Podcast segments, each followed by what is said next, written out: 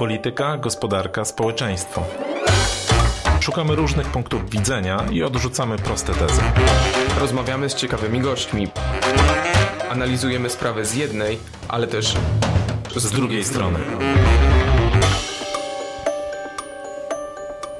Tomasz Żółciak. Grzegorz Osiecki, a dzisiaj naszym gościem jest dr Barbara Brodzińska-Mirowska, adiunkt w Katedrze Komunikacji, Mediów i Dziennikarstwa Uniwersytetu Mikołaja Kopernika w Toruniu. Dzień dobry. Dzień dobry.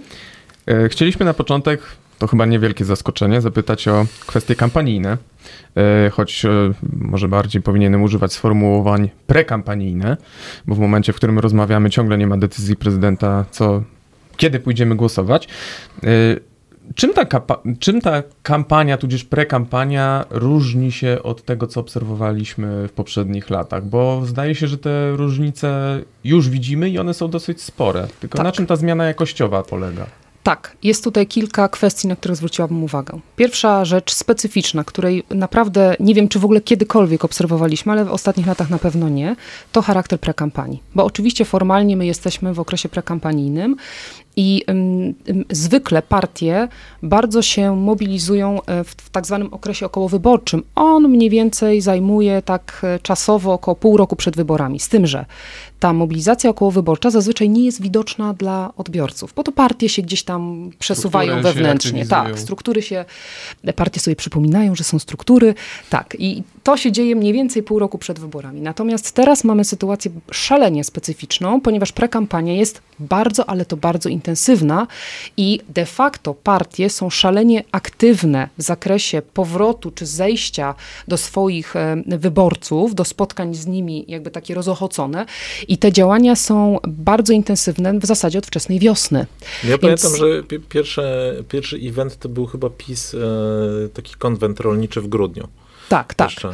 Więc to naprawdę jest dobre, dobre kilka miesięcy przed właściwą kampanią wyborczą e, i to jest nowo. Wcześniej rzeczywiście tak intensywnych działań e, komunikacyjnie nie było. To jest pierwsza rzecz. Druga rzecz jest... A to ja mogę dopytać jeszcze e, a propos prekampanii, no bo tu gdzieś tam cały czas się kotuje ta kwestia prekampanijna, mhm. czy to tak powinno być, czy nie powinno być.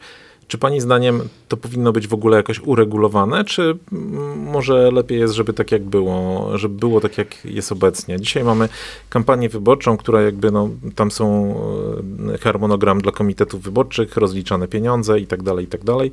No prekampania to jest trochę wolna amerykanka, tylko ona się z kolei cofa, tak, z tego co pani mówi, więc pewnie jej regulacja to też byłby kłopot.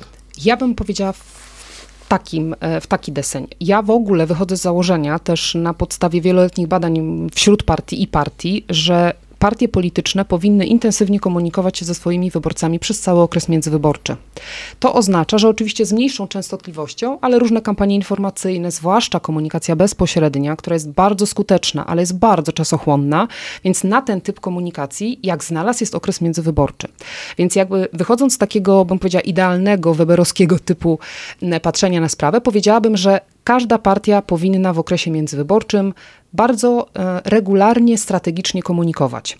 I to by oznaczało, że odpowiadając na Pana pytanie, regulacja prawna tego czasu mogłaby się nie sprawdzić, ponieważ partia ma subwencje i ona może sobie zarządzać wówczas, jak tę komunikację e, jakby układa w tym okresie międzywyborczym. Ale rozumiem istotę pytania, e, biorąc pod uwagę tę sytuację, bym powiedziała, ponad przeciętną teraz, dlatego że Dziś pojawia się problem taki oto, że na przykład partia rządząca zaczyna już intensywne działania takie no niby prekampanijne, ale w zasadzie pojawia się problem finansowania. No, ponieważ pikniki rodzina tak. 800 plus to chyba w tym momencie to jest taki sztandarowy e, tak. przykład e, tej no i ostatnie... wody prekampanijnej. I to jest jeszcze trochę inny przykład, tak? No bo, bo mamy tu z jednej strony pikniki, czyli no coś, co jest oficjalnie imprezą rządową, na którym potem nieoczekiwanie pojawiają się parlamentarzyści PiSu, tak. a z drugiej strony no mamy ten cały kanał na przykład e, banerów zapraszamy do biura poselskiego, aczkolwiek tu trzeba przyznać, że to nie tylko politycy PiSu, ale tak samo politycy Wszyscy. opozycyjni tak. to, to robią robią w tej chwili. Wszyscy tak? przypominają o sobie, no w zasadzie w takim, taki bym powiedziała sposób międzywyborczy niby, no bo w zasadzie zapraszać do biura można w ogóle między, między kampaniami, ale pojawia się właśnie ten problem, że wchodzimy e, z takimi trochę niefajnymi tematami związanymi właśnie z właściwym finansowaniem partii, bo przypomnijmy, że jednak jeżeli mamy kampanię, to każda te, tego typu akcja musi być oznaczona właściwie, że to jest finansowane z Komitetu Wyborczego. Teraz wiadomo, że to się delikatnie mówiąc rozmywa. Natomiast znowu, żeby dołożyć taki trochę punkt zapalny, to też nie jest takie proste, dlatego że hmm, e, oczywiście nie bronię działań partii rządzącej, ale mm, zazwyczaj rządzący każda partia, która rządzi, ma ten plus, że jak rządzi, to ona może częściowo aktywności wynikające z tego rządzenia wykorzystywać na rzecz kampanii, więc... No, że minister trochę... na przykład w tak, rządzie znajduje sobie tak. formalny powód, żeby pojechać do swojego tak okręgu jest. jako minister, tak. więc ma całą delegację finansowaną przy, na przykład z, przez resort czy przez kancelarię można... premiera a, a, a, na miejscu w praktyce wychodzi to no, PiS to, PiS, bardziej działalność poselska. Na PiS jak w wielu kwestiach to rozumiem twórczo rozwinął, bo pamiętamy, że było posiedzenie na Śląsku chyba rządu Ewy Kopacz, kiedyś takie wyjazdowe posiedzenie rządu, bo wtedy były ważne sprawy na Śląsku.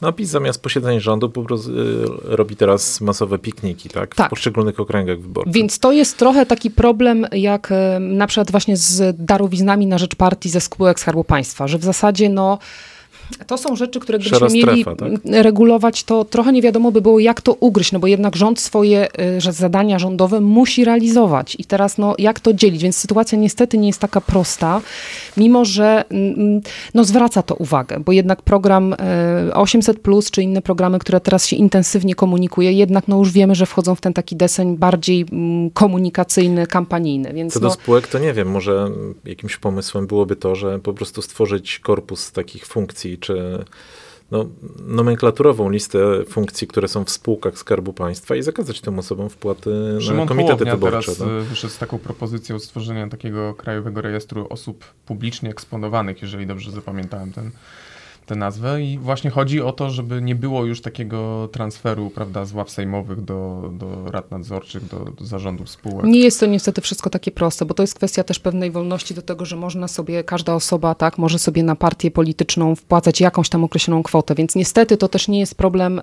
w ostatnich lat, choć w ostatnich latach rzeczywiście obóz rządzący i te kwoty i te zasięgi robią wrażenie, ale w zasadzie odkąd pamiętam, to zawsze były problemy e, tych wpłat, tych spółek, spółek Skarbu Państwa, więc nie jest to niestety takie proste do, do rozwiązania, bo można tu zakazując naruszać jednocześnie jakieś inne no i też e, wolności. Chyba nikt nie ma interesu za bardzo, to znaczy no, interes ma opozycja, tylko że potem opozycja dojdzie do władzy i nie, niekoniecznie może o tym siedzenia. pamiętać. Tak? A to wracając do początku naszej rozmowy, do naszego pierwszego pytania, y, wskazaliśmy na intensywność tej tak. kampanii. E, jaki jeszcze element pani dostrzega takiej z kategorii nowości? Wyraźną zmianę. Nie wiem, czy to jest, e, czy można to rozpatrywać w kategoriach nowości, ale na pewno jest to przełom, który ja z perspektywy lat badania komunikacji partii widzę. To znaczy, odwróciły się role. Dzisiaj Koalicja Obywatelska e, jest w ofensywie i zmienia sposób swojej komunikacji w sposób bardzo widoczny. To znaczy, co mam na myśli? Przez lata, wcześniej jeszcze Platforma Obywatelska, nawet będąc partią rządzącą, czyli w teorii mająca wówczas większe zasoby, komunikowała reaktywnie. Znaczy, nawet PiS będąc w opozycji przystawiał Platformę do ściany. I ona musiała się odwoływać, odnosić do tej agendy, którą narzuciło Prawo i Sprawiedliwość. I PiS przez lata, będąc w opozycji, był nieprawdopodobnie skuteczny w komunikacji, zarówno tej do mediów z, z mediami, jak i w takiej komunikacji, e, no właśnie, bezpośredniej, gdzieś tam e, w strukturach swoich. Zawsze byli skuteczni, zawsze byli o krok do przodu. Teraz jest odwrócenie tych ról. Kompletnie Zjednoczona Prawica i PiS są wybici, zachowują się jak nie oni. E, to znaczy, zawsze byli tacy krok do przodu, przewidujący efekty swoich działań. Pamiętajmy, że mm, i to, i to jest potwierdzone rzeczywiście też badawczo, Zjednoczona Prawica mm, komunikowała zawsze, jak ja to określam, strategicznie. To znaczy ich decyzje komunikacyjne zawsze były poprzedzone solidnymi badaniami. I to te badania były podstawą do decyzji, co i jak będzie komunikowane. I sądzę, że teraz te badania też są robione. Natomiast decyzje, co i jak będzie komunikowane, jakie będą przekazy i do kogo, są wyjątkowo nietrafione. I to uważam za bardzo dużą zmianę i dlatego z ogromną ciekawością taką badawczą będę obserwować kampanię wyborczą, bo być może będzie odwrócenie ról, czyli ta kampania Zjednoczonej Prawicy być może będzie znacznie gorsza jakościowo i, i, i jeżeli chodzi o kwestię efektywności, niż przez lata PiS e, w ostatnich latach nas przyzwyczaił. Ale się, mm, bo mm, jak obserwujemy, pisząc nasze artykuły, mm, coś takiego i zastanawiamy się, czy to się nie bierze też trochę stępa tej kampanii z różnych wydarzeń, że faktycznie tu nie ma takiego, znaczy tutaj tematy nie żyją długo, tak? No jest wrzucane 800, plus, wychodzi Tusk dwa dni później, wrzuca kontrę, e, temat jakoś tam, e, mówię o tych tematach, które PiS próbował narzucić, tak? No ten temat utrwala się, bo rząd teraz przyjmuje ustawę, ona idzie, za, za chwilę będziemy opowiadali o wypłatach, jakoś tam temat żyje, ale w sumie chyba nie zajmuje uwagi. Potem mamy z takich mega tematów, które próbował wrzucić e, PiS. Komisja do spraw wpływów rosyjskich, no efekt w zasadzie odwrotny od zamierzonego. No i ostatnio referendum migracyjne, które było wrzucone w takim momencie, że się wydawało, że w zasadzie chyba nie ma do niego jakichś większych podstaw. No potem pojawiły się zamieszki we Francji, które jakby tą sprawę tak trochę jakby przywró przywróciły klimat z roku 2015. Ale jakby czy to się bierze z tempa, czy, czy jakby z, z takich braków warsztatowych? Tu jest kilka czynników. Po pierwsze jest rzeczywiście duże tempo, po drugie jest bardzo duży stres i bardzo duże ludzkie emocje. Ja bym tego naprawdę w polityce nie bagatelizowała. Poza tym profesjonalnym podchodzeniem do tego, że trzeba być efektywnym w komunikacji, są też ludzkie emocje. I w moim odczuciu teraz jest bardzo duże napięcie po obu stronach i stres. No to nie jest jakieś tam wielkie odkrycie. Trzecia rzecz to jest też w ogóle specyfika dzisiaj komunikacji. Tego, że informacje żyją krótko, jest ich dużo i na pewno specyfiką, do, do, której trochę ostatnie kampanie nas już przyzwyczajały, jest to, że nie ma jako tako takiej dyskusji nad pomysłami tylko są tak naprawdę pewne takie wydarzenia, które tworzą reakcje partii politycznych, potem jest wyciszenie i, i, i oczekiwanie na kolejne wydarzenie. No Czy widzieliśmy to... to w ostatni weekend. Tak, tak, tak, jak się zapaliły śmieci, to w zasadzie był jeden wielki jazgot pod tytułem czyja to jest wina. Oczywiście, że tak. Nikt nie próbował wychodzić z jakimiś pozytywnymi receptami, no bo najważniejsze było wskazanie palcem... Tylko, tylko papiery latały z lewa na prawo. Nie, oczywiście. Trzeba było pokazać, kto na jakim etapie podjął złe, złe decyzje i w sumie każdy jest tu winien. I de facto jest tutaj taka, bym powiedziała, klasyczny trójkąt dramatyczny medialny, czyli trzeba szybko wskazać winnego, oprawcę i, e, i jeszcze wszystkich, którzy zostali poszkodowani. Więc to się trochę do tego sprowadza, chociaż tak jak mówię, to też mm, kampanie wyborcze w ogóle w ostatnich latach się bardzo mocno zmieniały, zmieniają i tych takich dyskusji, e, na, na które nam, e, naukowcom, państwu dziennikarzom najczęściej zależy, żeby to jednak były programy, to już jest naprawdę, oczywiście mówię to z pewnym żalem, na, ta kampania raczej tak nie będzie wyglądała. To będzie właśnie taka bitwa na szybkie rozbrajanie takich bomb tematycznych, kto to zrobi sprawniej i lepiej. Natomiast myślę, że tam jakichś programowych dyskusji nie będzie. To będzie kampania bardzo emocjonująca, bardzo emocjonalna, e, myślę, że brutalna językowo e, i to będzie kampania, być może ostatnia taka kampania, silnie polaryzująca, domykająca być może ten od wielu lat widoczny a to Właśnie widzimy, a propos tej brutalizacji. To tak? jeszcze do brutalizacji to przejdziemy, bo ja chciałem wrócić trochę do jakby takiego rytmu kampanii, bo bardzo często jak partie zaczynały kampanię, no, no to sama pani mówiła, że ta prekampania była bardzo często skierowana do wewnątrz. Ona miała zmobilizować struktury, żeby one potem poszły w teren, dać im przekaz taki wewnętrzny, uspójnić. I na początku widzieliśmy coś takiego w tej kampanii PiSu, tak? No bo ten ul programowy, to, to jak, jak widziałem, to właśnie to miało być napompowanie e, polityków PiSu i aparat PiSu taką wiarą e, macie iść w teren i opowiadać, co my zrobiliśmy przez 8 lat, tak? Trochę też wyglądało, że Platforma jakby, oprócz tego, że krytykuje PiS, to też jakby próbuje iść w ten kanał, tak? Znaczy, Czyli ta pierwsza część kampanii powinna być do siebie, ale czy, czy ona tutaj nie została zaburzona? No bo jak, e, jeżeli chodzi o to 800, no to chodzą takie nieoficjalne informacje, że de facto to była wrzutka, że to nie, nie było coś jakby super wyrokowanego, że to był ruch szykowany od wielu, wielu miesięcy. Tylko, tylko że... coś, co miało na ostatniej prostej uratować. Yy ten efekt medialny no de facto, e, de facto nie, nie, nie to, o czym pani mówiła, że PiS był taki wyrachowany, jakby mm. miał, słynął z działań sztabowych, tylko to był efekt różnic zdań w sztabie, tak? Jedna frakcja w ostatnim momencie tu przeważyła. W sztabach. W sztabach, no właśnie. Ale to, to potwierdza w zasadzie e, to, o czym rozmawiamy, że tam, e, że, że Prawo i Sprawiedliwość czy Zjednoczona Prawica wypadła z tego takiego bardziej profesjonalnego, bym powiedziała, sznytu komunikacyjnego, ale to 800+, plus dla mnie w ogóle to było bardzo duże zaskoczenie, bo to było mm, tak, to, to jest dobre określenie, wrzucone, e, gdzie ja spodziewałam się takich obietnic, takich socjalnych ze strony Zjednoczonej Prawicy, ale nie na tym etapie. To znaczy 800 plus w teorii mogło być znakomitym takim kampanijnym strzałem w momencie, jakby się bardzo gotowało. Więc ten temat został spalony. Więc to potwierdza znowu w moim odczuciu, potwierdza tę tezę, że tam e, były trochę takie, takie wojny podjazdowe, to znaczy będziemy próbować, co chwyci albo co nie chwyci. Za szybko, tak? Bez, bez takiego, dlatego dla mnie tam nie ma planu, bo gdyby był plan i gdyby była strategia, to myślę, że ten temat na tamtym etapie by nie wyskoczył.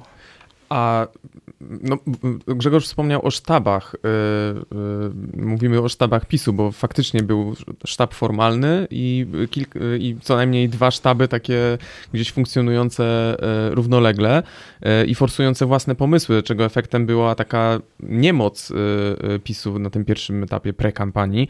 Teraz ta sytuacja została no, jakoś wyjaśniona, przynajmniej tak wewnątrz struktur. Role zostały rozdzielone.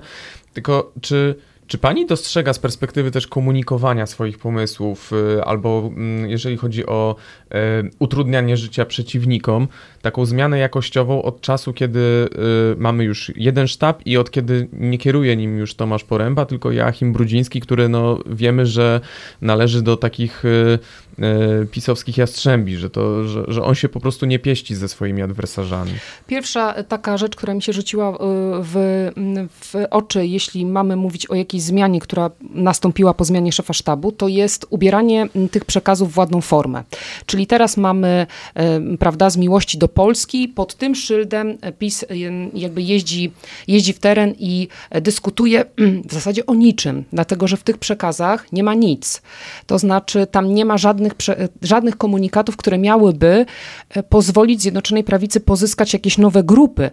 Mało tego, tam nawet nie ma przekazu, który pozwoliłby wrócić tym grupom umiarkowanych wyborców, które od PiSu w ostatnim no, czasie odeszły. Taki tam komunikat, jest... że się dobrze żyje, no, że pensje rosły, że... Ale jaka to jest oferta wyborcza? Jaka to jest oferta programowa? PiS zawsze słynął z tego, że robił świetne oferty programowe, świetnie utrafione. Nie ma tego. Jest po prostu jakaś mowa o, o bezpieczeństwie, że, że, suwerenna, że suwerenność Polski, że wróg narodu, więc zmieniło się to, że to wszystko jest ubrane w taką taką formę, bym powiedziała. Natomiast druga zmiana to jest też fakt, y, że prezes Jarosław Kaczyński bierze kampanię ewidentnie na siebie. To znaczy stał się twarzą y, i spotów, i tych, i tych kampanii, i tych, i tych spotkań. I teraz tak, w zależności od tego, jaką PiS przyjmuje strategię, to będzie albo na niekorzyść, albo na korzyść. Jeżeli strategia jest taka, że mobilizujemy tych swoich, którzy i tak już są, umówmy się, dosyć zmobilizowani, czyli ten żelazny elektorat PiSu, który jest szacowany na mniej więcej 25%, to są ludzie zmobilizowani. Oni pójdą. Natomiast do tej grupy trafia Jarosław Kaczyński, bo on uderza w te tony, które na tę grupę dokładnie działają. Tylko pytanie jest takie, co da PiSowi zwycięstwo? Na pewno nie tylko grupa zmobilizowanych. Potrzebują więcej ludzi. Gdzie ich poszukiwać? Są duże odpływy na wsi, są duże odpływy e, w małych e, i mniejszych miejscowościach. Nie ma przekazu do tych grup. Nie ma. I jeżeli miałby, miałby jaki, prawo... Jaki to powinien być przekaz w takim razie? Przede wszystkim to nie powinien być przekaz generowany przez Jarosława Kaczyńskiego. Bo jeżeli mamy pozyskać te grupy, które odpłynęła, są umiarkowane, to w takim tonie, w jakim Jarosław Kaczyński prowadzi te spotkania, to jest dla Prawa i Sprawiedliwości szkodliwe. No Robert Telus ostatnimi czasy, zwłaszcza w mediach społecznościowych, próbuje nadganiać tutaj. I warto e, nadganiać, bo Prawo i Sprawiedliwość straciło bardzo dużo na wsi, czyli w tym swoim bardzo ważnym, zawsze, od zawsze elektoracie dla siebie. Więc ja analizowałam te kwestie i e, wyraźny był, wyraźna była taka sytuacja. W momencie, jak spadało PiSowi na wsi, rosła Konfederacja. Więc jakby dla mnie zasadnicze pytanie, ja bardzo do tego podchodzę pragmatycznie, jest takie, co w tych nowych przekazach jest do tych grup, które można odzyskać. W moim przekonaniu jeszcze nic.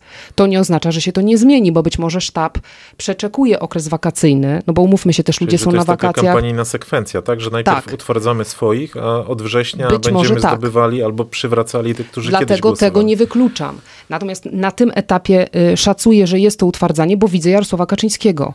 Natomiast jeżeli mamy pozyskiwać umiarkowanych, to to nie jest dobra twarz kampanii, tak bym powiedziała.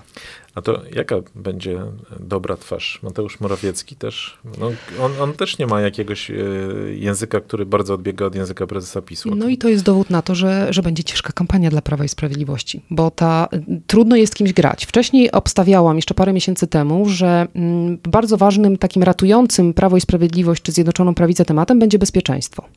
Natomiast ostatnie wydarzenia i dyskusja i słabość polityczna de facto e, ministra Błaszczaka spowodowało, że tym bezpieczeństwem też trzeba bardzo ostrożnie grać, mimo że naprawdę to byłby temat, którym można by było zasłonić drożyznę, czyli to, o czym ludzie de facto no w tak, domach ale rozmawiają. Rozumiem, że spadła rakieta. Spadła rakieta, pokazało, okazało się, że nie jest tak wspaniale, jeśli chodzi o skuteczność. E, no więc e, nie ma się tak naprawdę czego no ale, ale, rozumiem, że gdyby się wydarzył taki prawdziwy kryzys na granicy wschodniej, że nagle, nie wiem, byłaby jakaś próba wtargnięcia, coś takiego, no to, to jakby to, ten wzorzec się może wtedy zmienić, tak? I no tak. możemy zapomnieć o przewodowie i o rakiecie. Wtedy tak, bo oczywiście no, standardowo to, o czym powiedzieliśmy, wie, wiedzie kolejny temat i, i trzeba będzie gdzieś tam resztę porzucić. Więc jasne, że kampania ma to do siebie, że pojawiają się mm, czasem ze strony partii takie ruchy, które zaskakują przeciwnika. No i wówczas rzeczywiście cała zabawa polega na tym, żeby jak najszybciej no, mieć strategię, ale jednocześnie mieć w sobie elastyczność, e, która pozwoli na szybką reakcję. Więc oczywiście zobaczymy, co się wydarzy. Jeżeli byłby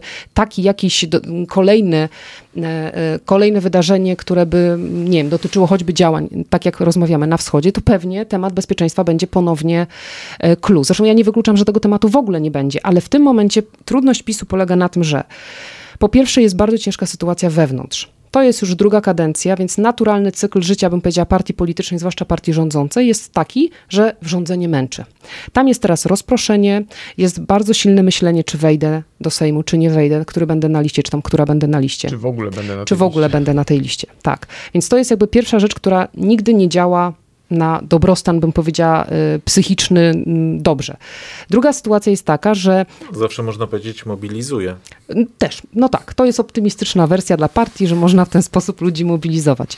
E, kolejna kwestia. Bardzo dużo się dzieje e, takich rzeczy dość niepomyślnych w, w wielu sektorach. To jest kwestia finanse publiczne, to jest kwestia stosunków z Unią Europejską, w ogóle stosunków międzynarodowych, to jest kwestia wojny w Ukrainie, drożyzny, inflacji, takiego generalnie spadku poczucia komfortu materialnego dużej części społeczeństwa. Więc PiS, gdzie się nie dotknie, to niestety narażony jest na to, że opozycja, a rozmawialiśmy, jest na razie w takiej dużej ofensywie komunikacyjnej, po prostu uderzy i ciężko będzie się bronić, bo nawet ten charakter obrony, czy w przypadku tego pożaru ostatnio, proszę zwrócić uwagę, jak to wygląda. To jest standardowy, populistyczny system komunikacyjny obrony. Szukamy winnego. Nawet gdyby on, mielibyśmy go tam sprzed 10 lat wygrzebać, to szukamy winnego.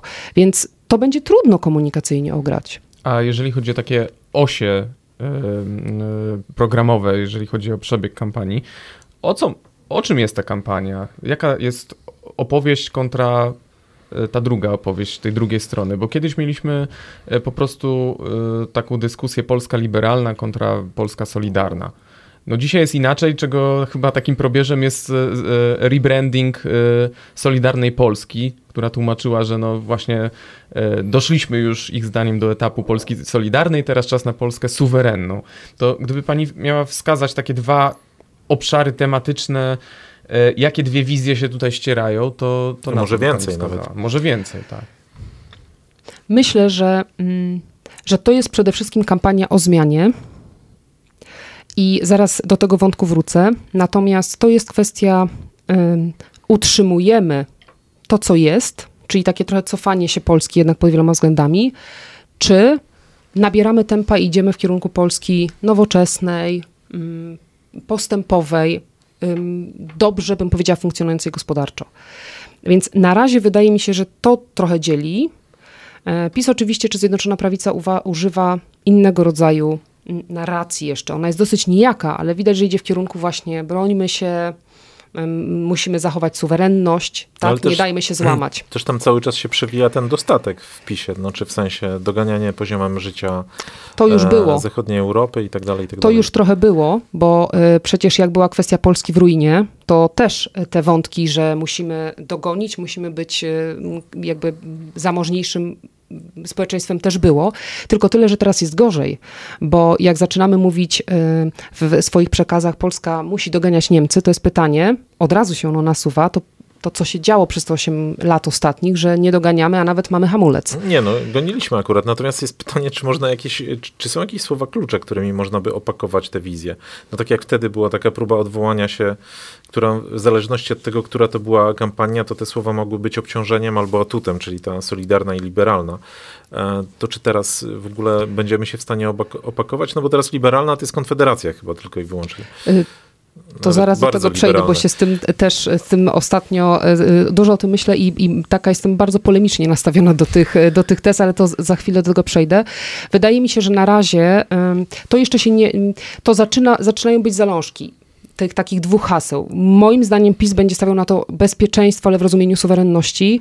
Natomiast kampanie partii opozycyjnych, zwłaszcza Koalicji Obywatelskiej, dla mnie to jest, nie powiem, że kalka, ale ja tam widzę bardzo silne punkty wspólne z kampanią Obamy, y, z kampanią, tak, Obamy, Yes We Can.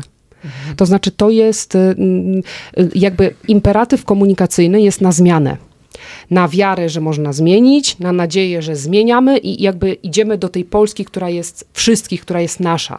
Więc bardzo widzę dużo wspólnych cech z tą, e, z tą e, kampanią Obamy z 2008 roku i w takim zejściu do, do ludzi i w takich kontaktach z ludźmi i w budowaniu tej komunikacji na zasadzie to też jest wasz kraj, możemy zmienić, to nasze DNA takie obywatelskie, nowoczesne gdzieś tam się tli. No bo rozumiem, że jakby weekend jest o tyle konieczne, że jak robiliśmy te sondaże wiosną, prawda? I tam były takie sondaże, były pytania, czy kto wygra wybory, kto będzie rządził po wyborach, no to nawet elektorat opozycyjny wskazywał w obu że przypadkach PiS. PiS, tak? Ale teraz to już się zmienia, te nastroje się zmieniły, podkręciły, podkręcił te dobre nastroje oczywiście marsz e, z początku czerwca, natomiast myślę, że te zarysy kampanii, e, takie twarde, pojawią się wtedy, kiedy poznamy hasła.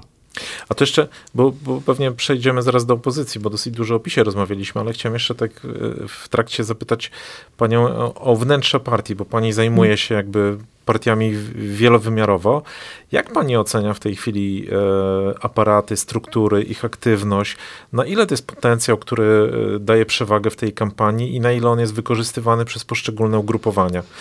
To jest bardzo ważne pytanie, dlatego że w polskim systemie takim społecznym i politycznym e, lepiej funkcjonują partie, które mają struktury, to jest po pierwsze, a w ogóle najlepiej funkcjonują partie, które mają aktywne struktury i które członków swoich, e, bym powiedziała, bardzo aktywizują i wykorzystują do, wykorzystują to nieładne słowo, pozwalają partycypować tak? tak, w, w działaniach partii i to wygląda w polskich partiach bardzo różnie.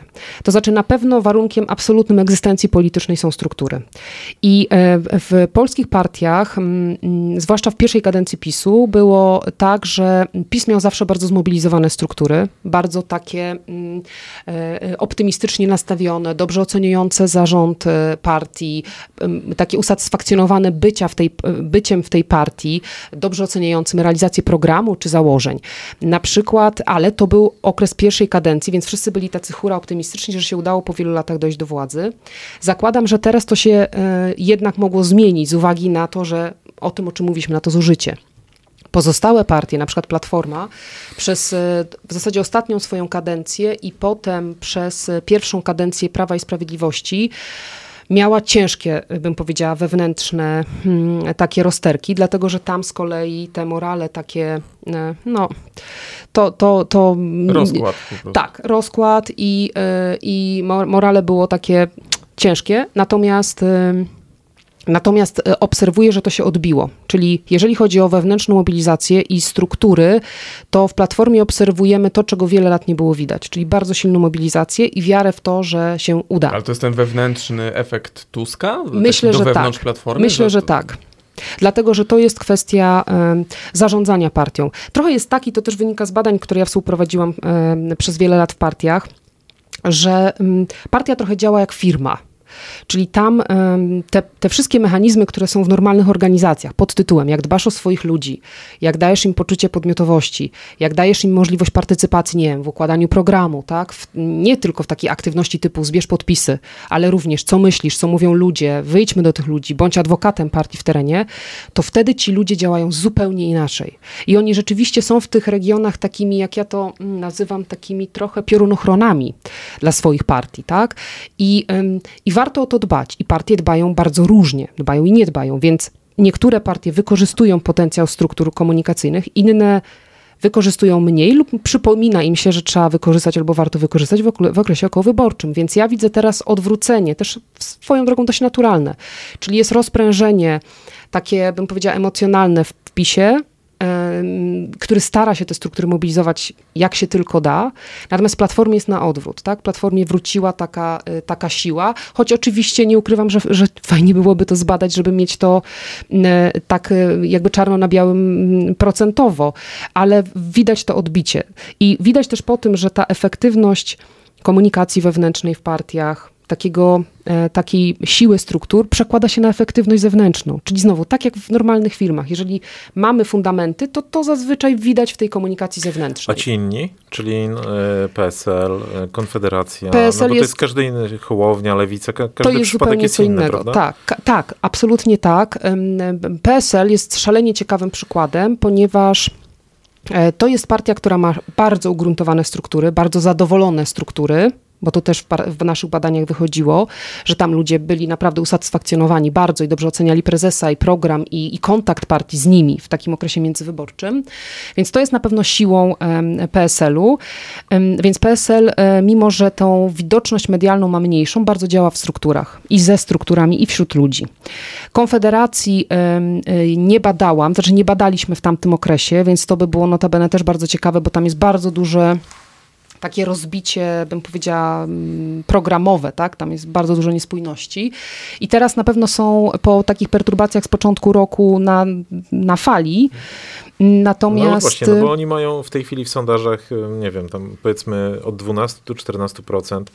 E, kalkulatory te mandatowe wieszczą mm. im 40-50 mandatów, czyli przynajmniej po jednym mandacie na okręg wyborczy jak pani patrzy na, na to, że w zasadzie jest tam nazwisk mniej niż e, można na palcach obu rąk zliczyć takich znanych, to, to nadrobią to strukturami, których nie mają? To znaczy, jaka to jest recepta? Ja w ogóle mam takie poczucie, jeśli chodzi o, o Konfederację, że od wiosny jest e, bardzo duża panika z tym związana. To znaczy, średnie sondaże Mm, są dla Konfederacji w zasadzie od dłuższego już czasu na poziomie średnie, na poziomie 9 do w porywach 11%. Tam, gdzie się pojawiają e, sondaże, bo pojawiały się takie, zdaje się na początku lipca, które dawały nawet 15%, był taki sondaż, nie przywiązywałabym się do tego zupełnie. E, z wielu powodów. Po pierwsze, e, jest okres wakacyjny, więc w ogóle ludzie są zupełnie gdzie indziej myślami. E, też badania e, socjologiczne wyraźnie pokazują, znaczna część społeczeństwa nie jest zainteresowana polityką. Jeżeli pójdą do wyborów, to podejmują decyzje wyborcze krótko przed wyborami. Zatem na razie te 15% dla Konfederacji zupełnie bym była mm, tutaj bez, bez jakiejś zbędnej histerii. Natomiast rzeczywiście jest 9-11% i to jest ciekawy fenomen komunikacyjny, dlatego że partia podejmuje bardzo ryzykowną grę, ponieważ stawia de facto dzisiaj na Mencena. To jest w zasadzie nazwisko numer jeden. I no jeżeli partia się tak mocno bym powiedziała, każda partia jest jakoś spersonalizowana, tak? No Tusk z Platformą, Kaczyński z PiSem, ale to przy tak małej partii, przy relatywnie niewielkim jeszcze doświadczeniu e, parlamentarnym jest jakieś tam ryzyko. No widać związane. to zresztą po tych próbach skonstruowania list, ujawniania kolejnych e, kandydatów, że z jednej strony to są albo no co tu dużo mówić, no-name'y polityczne, nieznane szer szerszej publiczności osoby, albo to są y, członkowie rodzin, y, tak. y, którzy korzystają na, na, na, na, znanym nazwisku, tak? Że to też taki już stary i wyświechtany trik, że się wystawia kogoś, kto ma tak.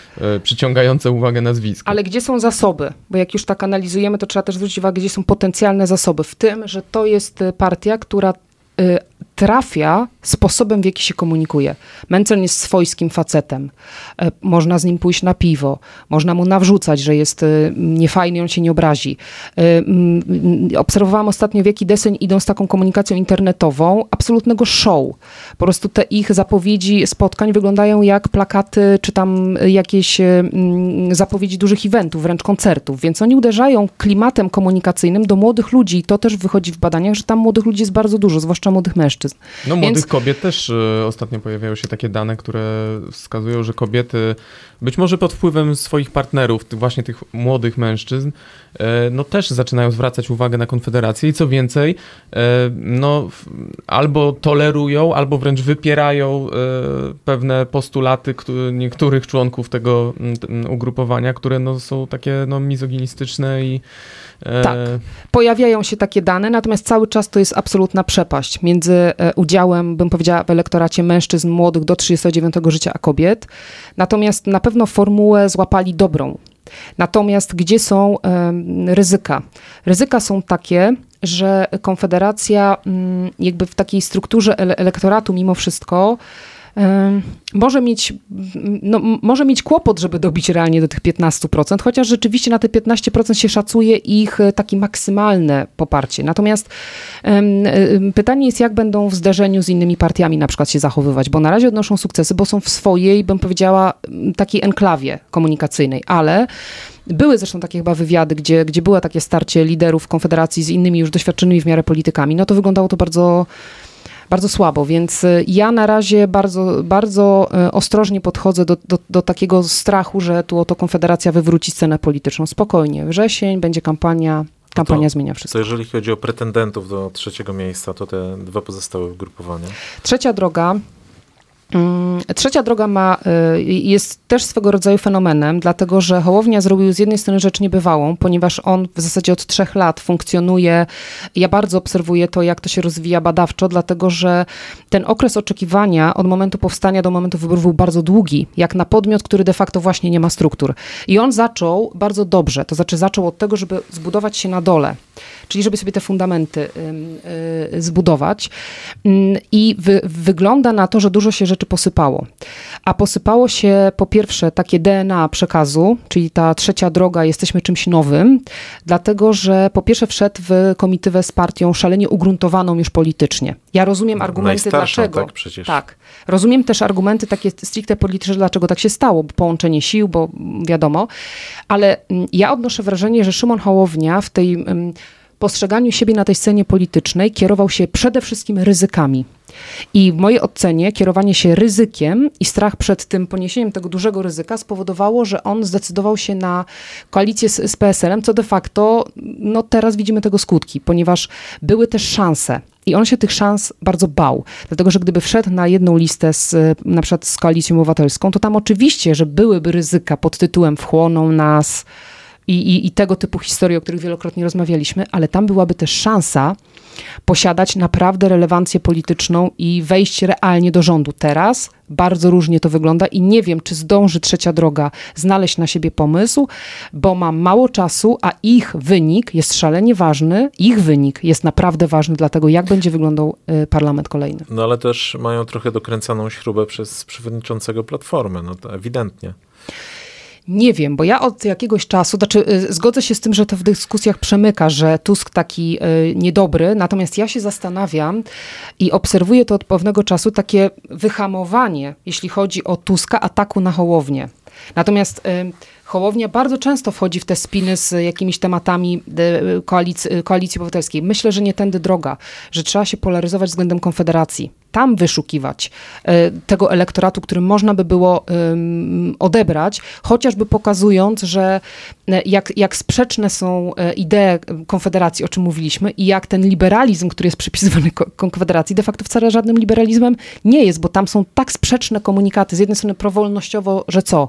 Że, że, że, że, że nie płacę podatków, a z drugiej strony jak się ma kwestia aborcji do wolności, tak? I zakazu całkowitego. Więc jest pole i wydaje się, że trzecia droga tego nie wykorzystuje. No cóż, moglibyśmy jeszcze długo rozmawiać o tych kwestiach strukturalno-partyjnych i o tym, jak formułowane są komunikaty, przekazy, ale no, niestety ogranicza nas czas. A jeszcze lewicy nie ruszyliśmy. To może dwa zdania o lewicy w takim razie. No to tak na koniec. Na koniec, tak. Lewica też bardzo ciekawa sytuacja, bo w, wychodzi w średnich sondażowych ponad próg, ale niewiele, mimo że jest czas dla lewicy. To znaczy, i, i są takie tematy, które teoretycznie mogłaby lewica ubrać. Dlaczego tak się nie dzieje? Dlatego, że lewica w ostatnich latach zmieniła swój profil. To już nie jest partia ludzi bezrobotnych, takich zależnych socjalnie. To się bardzo mocno zmieniło. To jest partia dużych miast, wykształconych bardzo ludzi, progresywna. Siłą rzeczy nasze społeczeństwo pomimo zmian jest jednak cały czas wciąż takie bardziej konserwatywne, więc tutaj po prostu mm, no, lewica ma kłopot z tym, żeby żeby uderzyć w takie tony, z którymi, które by odpowiadały na oczekiwania po prostu większości, czyli ba banał polityczny, tak? Wygrywa ten, kto zdobywa no, no, większość. ale to jakby z tego opisu, mm, jaki pani wykonała sceny politycznej, wynikają pewnie jakieś ryzyka na jesień, tak? Znaczy z jednej strony, że ktoś może się zgubić pod progiem, tak. E, z drugiej strony, no jakby, że, że może powstać taki scenariusz, w którym nie będziemy widzieli de facto, kto rządzi e, i w jakim układzie. Tak, na ten moment remisują dwa bloki, czyli remisuje blok Zjednoczonej Prawicy i remisuje blok blok opozycyjny. One są mniej więcej no, na równi, jeśli chodzi o większość parlamentarną. Ale gdzie są ryzyka? Ryzyka są takie, że się nie podniesie trzecia droga e, bo, bo lewica myślę, że się obroni. Trzecia droga na razie w tych średnich sondażowych też jest ponad progiem, ale cała zabawa polega na tym, że partie opozycyjne muszą mieć znaczącą większość. Wtedy ten parlament będzie bezpieczny, w tym sensie nie będzie ryzyka przedterminowych wyborów. Jeżeli to się będzie rozbijało o parę głosów, to mogą się dziać e, rzeczy przeróżne w tym scenariuszu po październikowym, więc najbezpieczniej, żebyśmy znowu nie mieli takiej huśtawki politycznej, jest sytuacja, w której partie mniejsze zrobią swoją robotę, bo ich rola, pomimo tego, że ja cały czas się upieram, że to będzie bardzo taka kampania jednak duopolowa, one muszą zrobić swoją pracę. Czyli dobrze by było, żeby przekroczyły próg e, najlepiej jak mają, że tak powiem, w swoich możliwościach, bo wtedy zabezpieczą ten wynik całej strony opozycyjnej. No to w takim razie drugi raz przypada mi niewdzięczna rola zakończenia naszej dyskusji, co niniejszym czynie. E, niestety ramy czasowe są tak e, ograniczone. E, bardzo dziękujemy, że pani doktor była z Dziękuję. nami. Naszym gościem była doktor Barbara Brodzińska-Mirowska z Uniwersytetu Mikołaja Kopernika w Toruniu. Polityka, gospodarka, społeczeństwo. Szukamy różnych punktów widzenia i odrzucamy proste tezy. Rozmawiamy z ciekawymi gośćmi. Analizujemy sprawy z jednej, ale też z drugiej strony.